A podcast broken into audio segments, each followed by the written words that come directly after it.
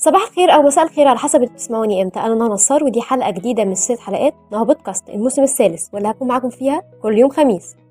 وكل حلقة هتكلم باختصار عن مصطلح أو ظاهرة لها تأثير قوي سواء سلبي أو إيجابي. ودلوقتي هتكلم عن ظاهرة déjà vu أو وهم سبق الرؤية أو تكرار الأحداث. ووهم سبق الرؤية أو déjà vu هي كلمة فرنسية تعني شوهد من قبل.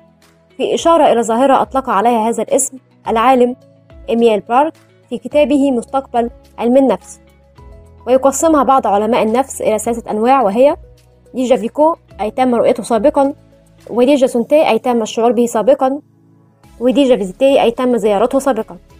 و déjà vu هي الشعور الذي يشعر به الفرد بأنه رأى أو عاش الموقف الحاضر من قبل.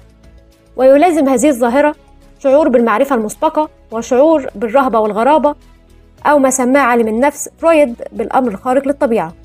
والتجربة السابقة التي يهيئ لنا بأننا عشناها عادة ما تكون زارتنا في أحد أحلامنا ولكن في بعض الحالات ثبتت بأن فعلا ما نشعر بأنه موقف سابق قد كان حقيقة وقع في الماضي والآن يعاد. والتفسير العلمي الأكثر دقة لهذه الظاهرة ربما يرجع إلى شذوذ الذاكرة حينما تعطي مشاعر خاطئة تقول للمخ بأننا عشنا هذا الموقف من قبل.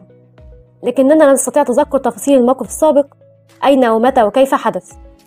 وعندما يمر الوقت الشخص يستطيع استرجاع بعض التفاصيل المشوشة في الحدث الجديد ولكن من المستحيل استرجاع تفاصيل الحالة الأولى والتي كانت في باله عندما كان في الحدث الجديد.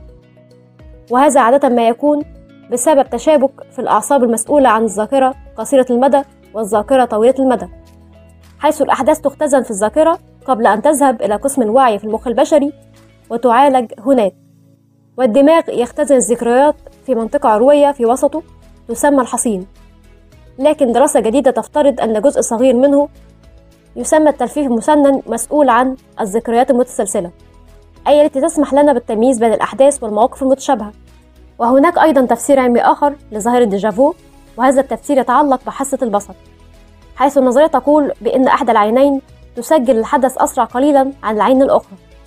فبعد لحظات قصيرة عندما يقع الحدث يخيل لنا بأننا رأينا هذا الموقف من قبل.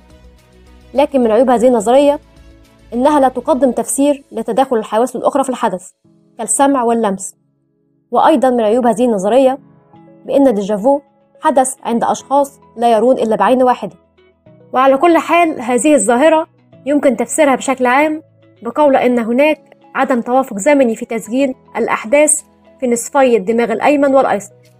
وبعض العلماء حاول إيجاد رابط بين ظاهرة déjà vu وبين بعض الأمراض النفسية كانفصام الشخصية والقلق ولكنهم فشلوا. وليس هناك أي علاقة بين هذه الظاهرة وبين هذه الأمراض. العلاقة الأقوى وجدت بين déjà vu ومرض صرع الفص الصدغي في المخ. وهذه العلاقة قادت بعض العلماء للتأكيد بأن هذه الظاهرة هي نتاج الخلل في عملية تفريغ الشحنات الكهربائية في المخ. والكثير من الناس يشعر برعشة سريعة في بعض الحالات قبل النوم بلحظات. وهذه الرعشة يرجح بأنها تحدث أثناء ال déjà vu مما تسبب شعور خاطئ في الذاكرة. والذين يشعرون بهذه الرعشات على الدوام يعانون من تكرار حالة ال déjà vu ولكن أغلبها يكون صوتي حيث يخيل لهم بأنهم سمعوا هذا الصوت من قبل.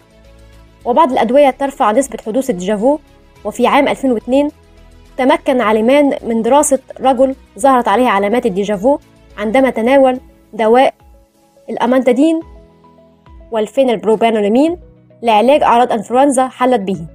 في الحقيقة هذا الرجل أحب هذا الشعور وأكمل الدراسة وبدأ يزور طبيبه النفسي لتسجيل ما يشعر به.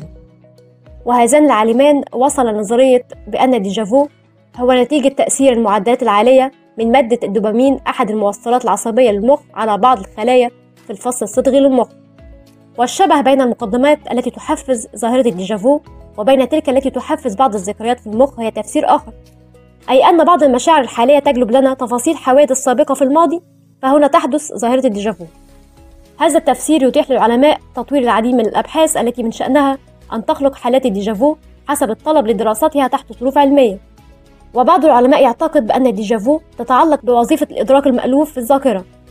وأيضا هناك تفسير آخر يقول بأن ال déjà vu ما هي إلا نتيجة معلومات قد تعلمناها من قبل ولكن نسيناها. والآن استطعنا استرجاعها فيخيل لنا بأننا نعيش الموقف مرتين. والمخ البشري لا يحذف أي معلومة سجلها حتى إن نسيناها. وبكده انتهت حلقة النهاردة من نهى بودكاست. ما تنسوش تعملوا like و subscribe لو في عندكم أي معلومة إضافية بخصوص حلقة النهاردة أو اقتراح على الحلقة الجاية شاركوني بيها في ال comments. bye!